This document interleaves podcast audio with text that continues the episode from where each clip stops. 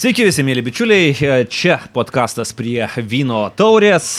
Ir mes tradiciškai sėdime prie šventinėje burbulio vyninėje, skanaujam Kianti vyną ir kalbėsime apie literatūrą, politiką, žvalgybą, didįjį žaidimą, nešvarias intrigas ir visus kitus dalykus su rašytoju, Dabar kaip man tai, kaip teisingai pristatyti?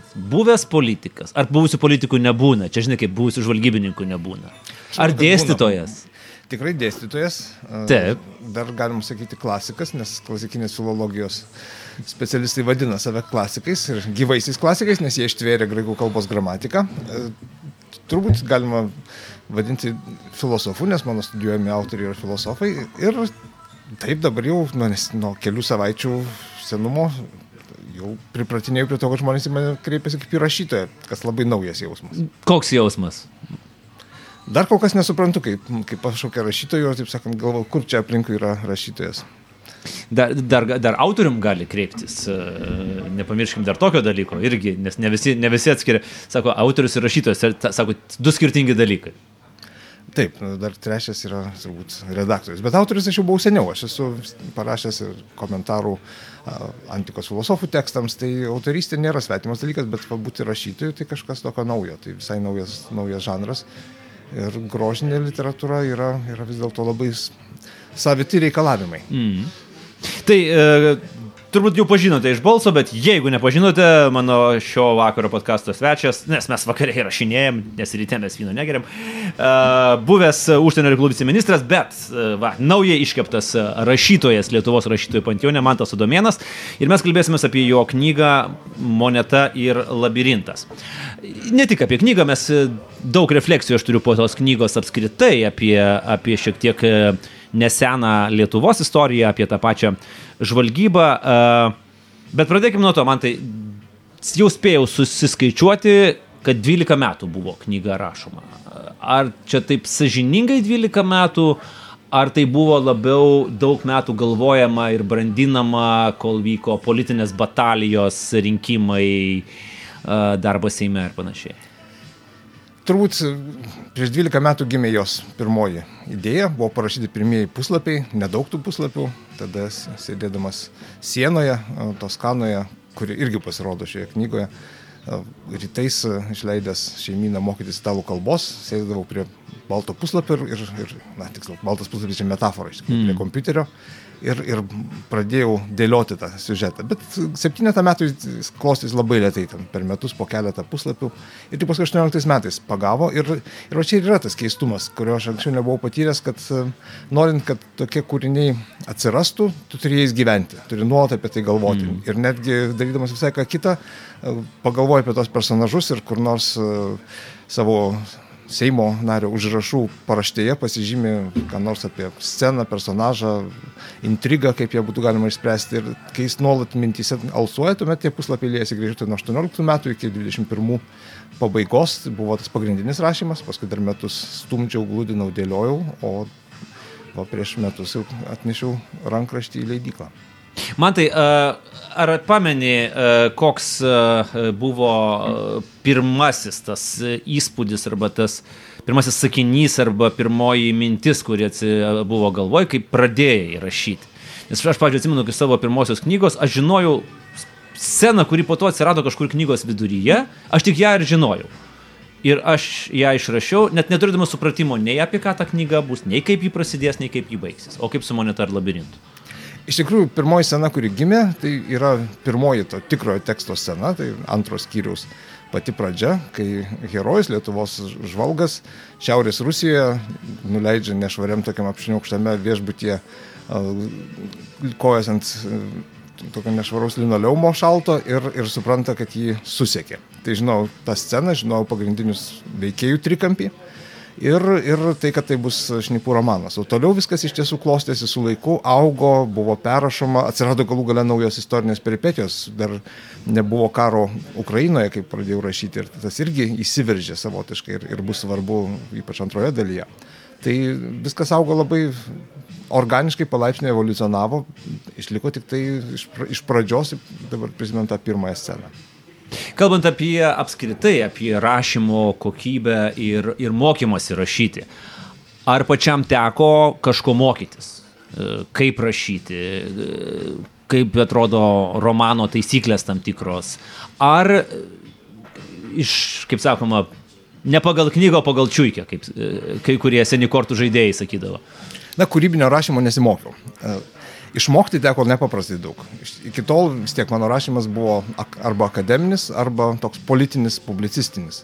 Tai reikėjo atrasti visai naują stilių, reikėjo galvoti nebe tezėmis, konceptais, kažkokiais uh, loginėmis prielaidomis ir išvadomis, bet, bet vaizdais, įspūdžiais ir uh, tas buvo visai naujas dalykas. O vis dėlto raš, rašyti padėjo tai, kad esu filologas, esu šiaip jau tekstų mokslininkas, tyrinėtojas ir daug jų savo studijų ir, ir, ir paskui darbo metu skaitęs, mėgstantis ir tas galbūt e, leido, na, žinoti, kas yra romanas, kaip dėstosi siužetas ir nepamesti veikėjų ir, ir tokios bazinės taisyklės, bet tą praktiškai nuo teorijos perėti prie praktikos, tai žinoma yra visa, visa praraja. Kiek laiko reikėjo uh, šlifuoti uh, nuo pirmo drafto, nes kai aš perskaičiau, man susidarė įspūdis, kad uh, romanas labai išpuoselėtas, aš tokį žodį galbūt pavartočiau, kad prie jo tikrai, kaip prie to tokio, nežinau, sodo su tom žirklutėm buvo daug dirbama. Kaip sakoma, vieni rašytojai žaidžia futbolą su savo knygomis, man tas sudamina žaidžia kroketą su, su, su, su savo romanu. Ar daug buvo to su miniatūriniam žirklutėm darbo? Be abejo. Pirmiausia, todėl, kad jis buvo rašomas labai ilgai. Ir kai nėra įkvėpimo, tai geriausias dalykas, ką gali daryti, tai skaityti tai, kas parašyta, tuo būdu pats įsikvėpi, na ir pastebi visokius netolydumus, netikslumus, galų galę sugalvoju geresnę frazę, sugalvoju geresnį veiksmo posūkį. Tai tas ilgas rašymas, jisai reiškia, kad aš daug kartų ir pats skaičiau ir, ir vis kažką pataisydavau, taip iš tikrųjų kaip su tom žirklutėm, kaip kokią gyvatvarą karpiau. Ir paskui po to, kai jau baigiau pirmąjį uh, rankraštį, pirmąjį juodraštį, tai dar, dar metus iš tiesų jisai buvo taip stumdomas ir, ir, ir karpmas. Na ir be abejo, leidikla.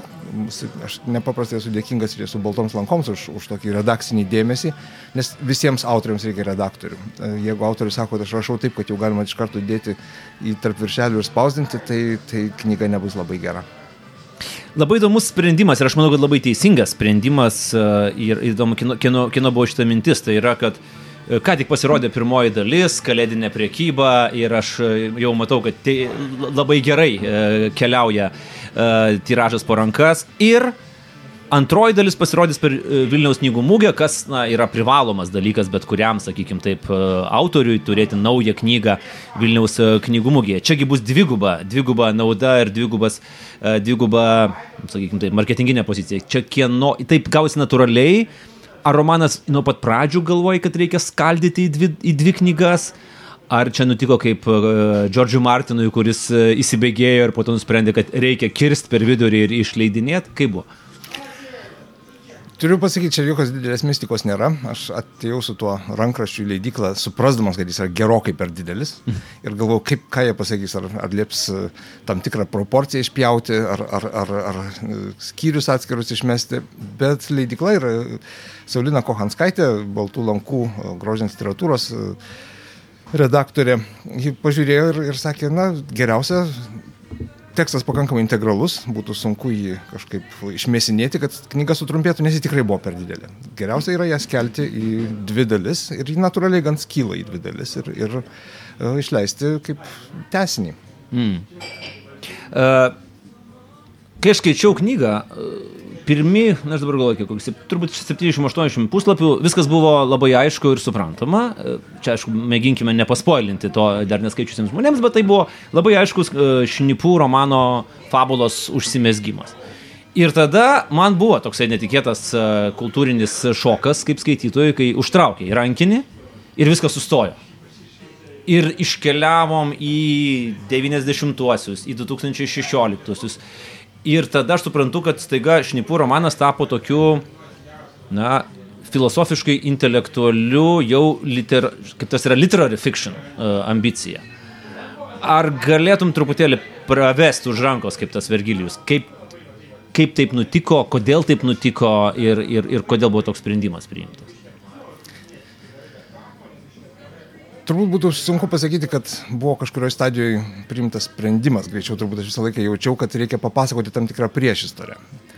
Kodėl? Todėl, kad e, Lietuva neturi savo fikcinio šnipų pasaulio. Tai yra naujas dalykas. Taip, ten yra romanų, kur, kur veikia šnipai, bet iš tikrųjų mes neturim tokios sukurto, kaip pasakome, ar vakarų Berlynas, arba Londonas, iš karto iškyla tam tikras mentalinė geografija, kurioje veikia veikėjai, ar Jamesas Bondas, ar, ar, ar Lekare personažai, e, ar e, Grėjimo Grino e, veikėjai lakstantis vienoje, taip besivaikantis naktį, taip mm. sakant, šlapiu grindiniu. Bet Vilnius to, to pasaulio neturi. Ta pasaulį aš jutau, kad jam reikia suteikti šaknis, jam reikia papasakoti, kaip jis atsirado, kad jis netrodytų pakabintas ore, kad tai netrodytų kaip tik tai, na, paimtas vakarietiškas, angliškai parašytas šnipų romano siužetas kokio nors ir transplantuotas be jokio paaiškinimo į lietuvišką terpę. Tie veikėjai turi turėti, na, priešistorę, kodėl jų motivacija, kodėl lietuvis žvalgas, kas jis yra. Tai iš, iš to gimė iš tiesų visas tas pasaulio piešimas toksai aplinkui, aplinkui tą pagrindinį šnipų romano veiksmą kuris taip stabdo veiksmą, bet man atrodo, kad na, vieną kartą tą reikia padaryti, parodyti, kokiame pasaulyje tie šnipai veikia. Gerai, dabar gal ir pakalbėkime iš tikrųjų tiek apie fikcinį šnipų pasaulį Lietuvoje, tiek apie turbūt e, tam tikras paralelės su realia Lietuvos žvalgyba, nes ne, nebejotinai e, man tai buvo nemažai šaltinių, kurie teikia informaciją ruošiantis knygai. Ar ne?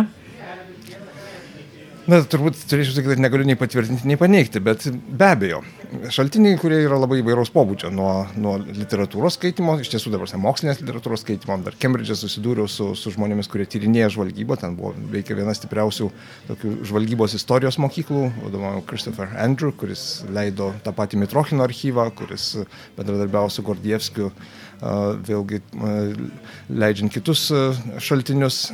Ten susitikau ir, ir tą legendinį Olegą Gordievskį, aukščiausio rango sovietų KGB šnipą perėjus į, į dirbti vakarų pusę Britų žvalgybai ir, ir su juo išsamei turėjau progą pasikalbėti jo, jo namuose. Ir tai iš ten gimė tas susidomėjimas. Be abejo, grįžus į Lietuvą, aš pamačiau tą kitą tikrovę, kur, kur 2004-aisiais po 8 metų Anglijoje grįžęs į Lietuvą radau neseniai NATO ir ES narė tapusios valstybės sostinė, kuri buvo per 30 km nuo tos naujos geopolitinės tikrovės. Pirmosios Putino kadencijos pabaiga, didėjanti tokia geopolitinė įtampa, grėsmė ir, ir, ir čia vėlgi teko susidurti su tuo, kad po to ramiu paviršiumi susidurdavo skirtingų žvalgybų interesai, jos kovodavo ir, ir taip, tam, tikri, tam tikros atplaišos iš to proceso pasiekdavo, pasiekdavo ir mane. Apie Gordievskio istoriją aš dar tikrai norėčiau pakalbėti išsameu, nes tai yra labai įdomi, e, įdomus faktas apskritai, kad teko su juo pabendrauti ir, ir apie Kembridžą šiek tiek vėliau pakalbėsim, dabar dar likime Lietuvoje. Aš dabar, vat, kai skaičiau knygoje pačią, patį startą mūsų žvalgybos, aš visą laiką galvojau, nu, turbūt natūralus klausimas, e, ar iš tikrųjų e, tai buvo, ar ne, ar ankstyvoje nepriklausomybėje vyko tokie darbo pokalbiai į saugumo departamentą, kur tau uždeda maišą ant galvos ir kažkur veža. Kiek e, skaitytojas gali pasitikėti autorium, kuris nepaisant to, kad akcentuoja, jog ten yra alternatyvioji istorija, bet vis dėlto tarsi ir sako, o, o tai buvo. Skaitytojas turėtų visiškai nepasitikėti autoriumi, nes autorius iš tiesų kuria, kuria tikrovę, kuri jam atrodo graži, įdomi ir, ir, ir galbūt paveiki. Kaip iš tikrųjų vyko, čia galėtų turbūt pasakyti tik žmonės, kurie patys dalyvavo tokiuose pokalbiuose. Ir ne, tas sukurtas uh, E, sukurtos biuro Lietuvos žvalgybos e, paveikslas, jis, jis nėra kažkurios veikiančios Lietuvos institucijos paveikslas. Ir aš tą noriu irgi pabrėžti, kad nei, nei asmuo, nei, nei institucija nėra kuri nors reali institucija, tik pervadinta kitų vardų. Tai nėra, tai nėra romanas apie e, realius daiktus. Kai, kurie, kai kuriuose vietose na, tikrovė šiek tiek persikloja, sakykime, ar realūs įkvėpimai, bet jie paskui eina kitą kryptimį. Tai kitaip brėžti tokias tapatybės linijas ir sakyti, kad čia X iš tikrųjų yra vat, tas ir tas asmo, rom, romano veikėjas žymi tą ir tą tikrą asmenį, taip, taip tikrai nėra ir, ir tas pats galioja ir institucijai.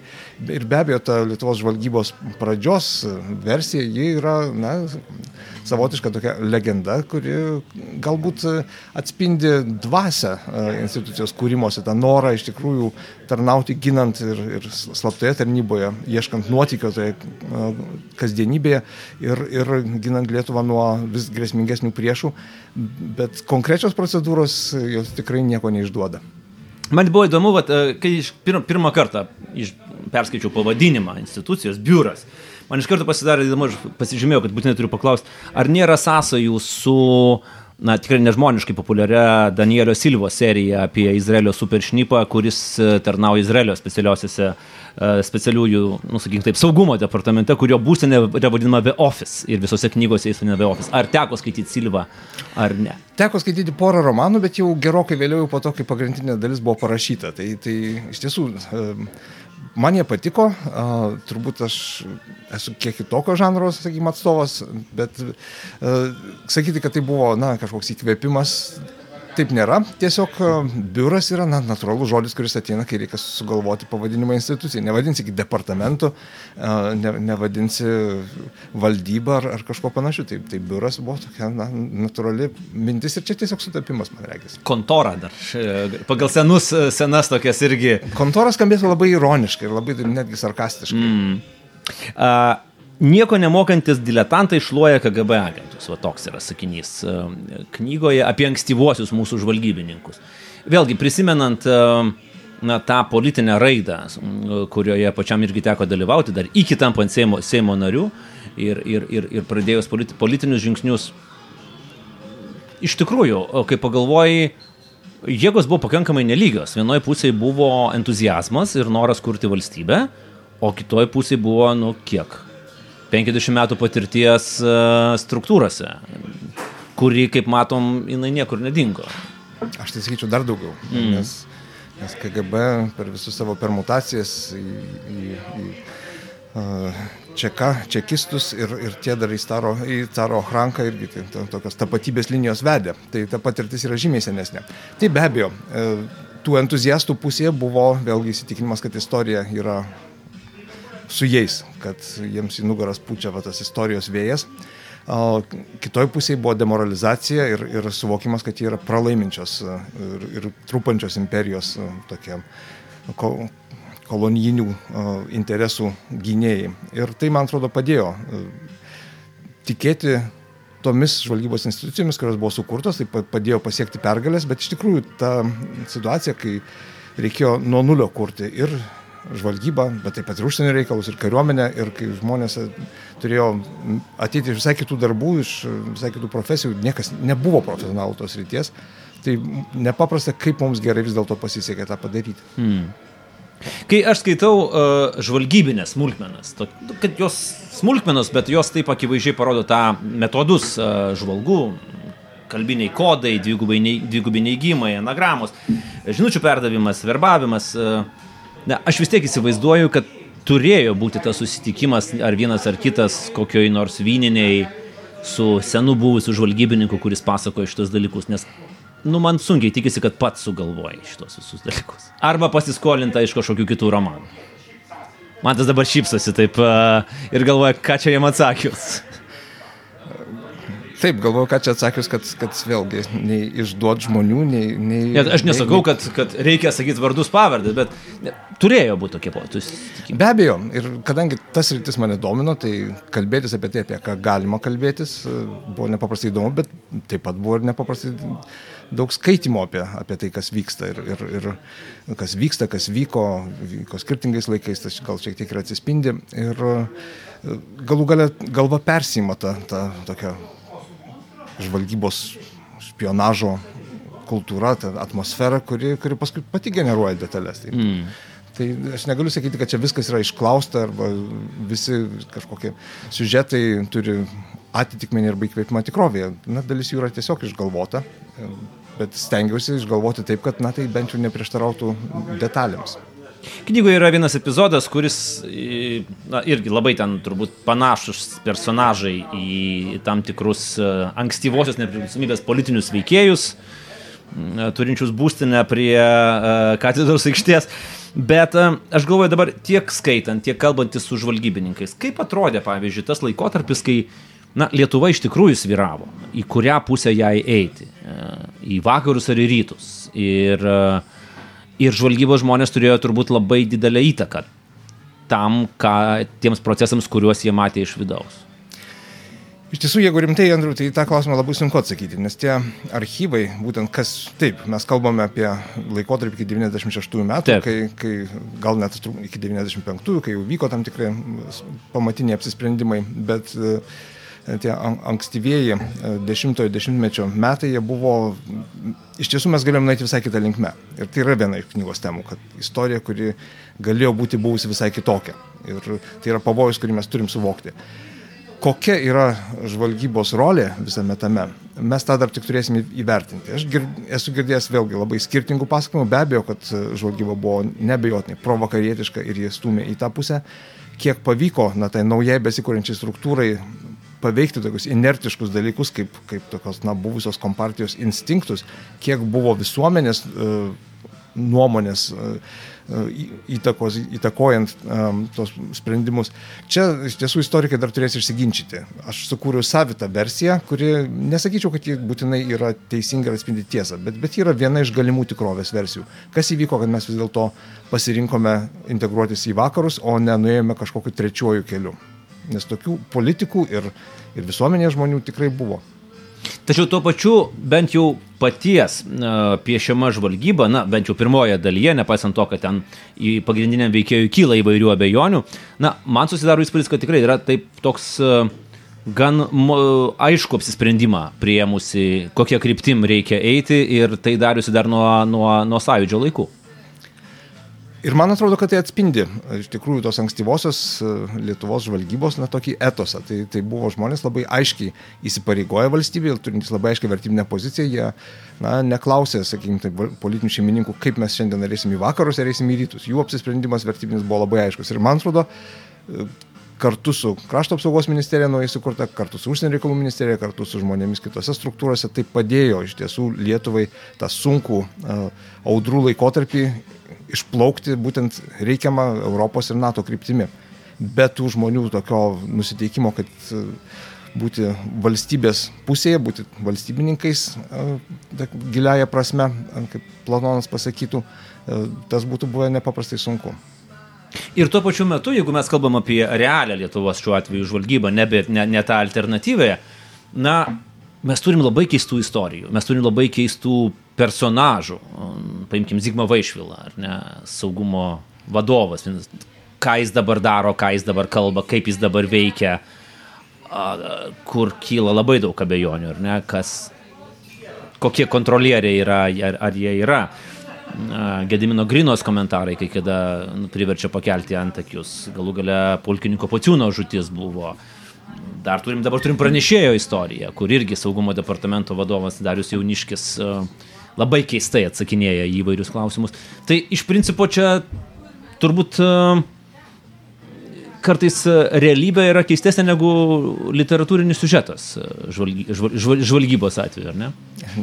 Be abejo, ir, ir jeigu ta realybė nebūtų tokia spalvinga ir savita, tai ir tokių netikėtų posūkių pilna, tai rašyti būtų žymiai sudėtingiau, jeigu viskas vyktų na, nuobodžiai ir, ir prognozuojamai ir logiškai.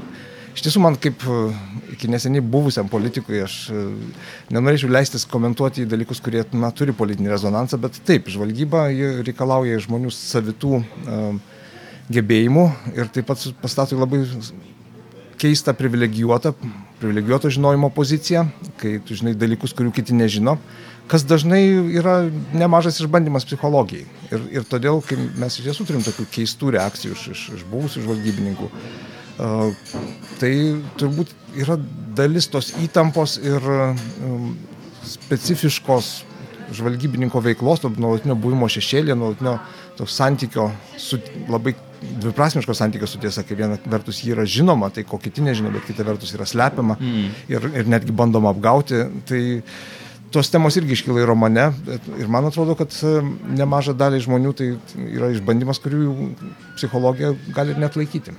Aš pastebėjau, kad būtent kalbant apie žvalgybininkų gyvenimo tokius ypatumus, na, tas pats Danielis Silva gal šiek tiek romantizuoja, ten jo pagrindinis tas superšnipas dar yra ir dailės e, restauratorius, ten turi tokių bondo elementų, bet šiaip jau aš pastebėjau, kad na, vis labiau yra rašytojai gilinasi tą psichologinį aspektą, kad tiesiog tai yra laužomi sula, sulaužomi žmonės, tai yra jų asmeniniai gyvenimai lūšta, jų pergalės dažnai būna neįvertintos, o pralaimėjimai yra viešai paskelbiami ir, ir jie yra, ar ne, visi šunys sukariami. Ir, ir Tomas yra panašus, toks tas pagrindinis romano personažas, yra panašu, kad jam, nežinau kaip ten toliau klostysis, bet na, na, jis laužomas yra ir, ir gan smarkiai laužomas to paties biuro.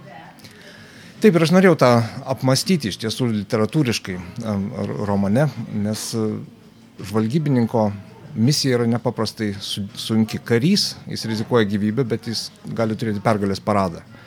Sėkmingas žvalgybininkas jis neturi pergalės parado. Jis viską, visa, kas yra atliekama, lieka užslaptintose dokumentuose 50-75 metus ir, ir tik istorikai galės kada nors iš atkasti, o, o gal net ir to negalės atkasti, nes viskas bus užrašyta kodiniais pavadinimais, kurių niekas nebesugebės iššifruoti. Tai tarnavimas būnant nematomam ir, ir negaunant jokio pasitenkinimo, kai tu turi meluoti vėlgi dažnai ir šeimos nariams, kuo iš tikrųjų užsiimi. Kai nuolatinis na, melo kūrimas vardant tiesos, kaip ten Čerčilis sakė, kad tiesa karo metu yra tokia vertinga, kad jie nuolat turi saugoti melo kūn, kūnsargiai, kaip sakė, sargybiniai e, melai. Tai, tai be abejo sukelia nepaprastas įtampas ir e, išdavystė todėl ir yra tokia tema, kuri organiškai susijusi su žvalgyba, nes e, viena vertus siekiama, kad priešas išduotų savo paslaptis, kita vertus pats turi privilegijuotą žinojimą, turi paslaptis, kurias yra didžiulė pagunda, arba jomis manipuliuoti, arba, arba net ir, ir išduoti. Tai, tai tos psichologinės dramos ir, ir, ir kaip sakai, laužimas asmenybės, jis, man atrodo, yra organiškai susijęs su, giliai susijęs su, su žvalgybininko veikla ir apie tai iš dalies yra šitas romanas. Romanas remiasi ir jame yra ir paminėta ta pati knyga, kuris man beje neteko skaityti, dėl to paprašysiu pa, šiek tiek galbūt papasakoti apie ją. Tai yra Jono Budrio prisiminimai Lietuvos kontržvalgybos kūrimas, tai yra Smetonos, Smetonos laikais. Ir aš kaip suprantu, bent jau knygoje, tai yra tarsi tie metodai perkeliami į, į smetoniniai metodai, išbraukiam 50 metų sovietmečio, ne, ir perkeliami į Lietuvos naujos žvalgybos kūrimo pagrindus. E, vėlgi, kiek tame yra tiesos ir e, kaipgi atrodė ta kontržvalgyba, ar labai skiriasi, tarkim, 30, nežinau, 6-7, kai jau aplinkui rangėsi Rusijos gyvatės, nuo 92, 93, 94.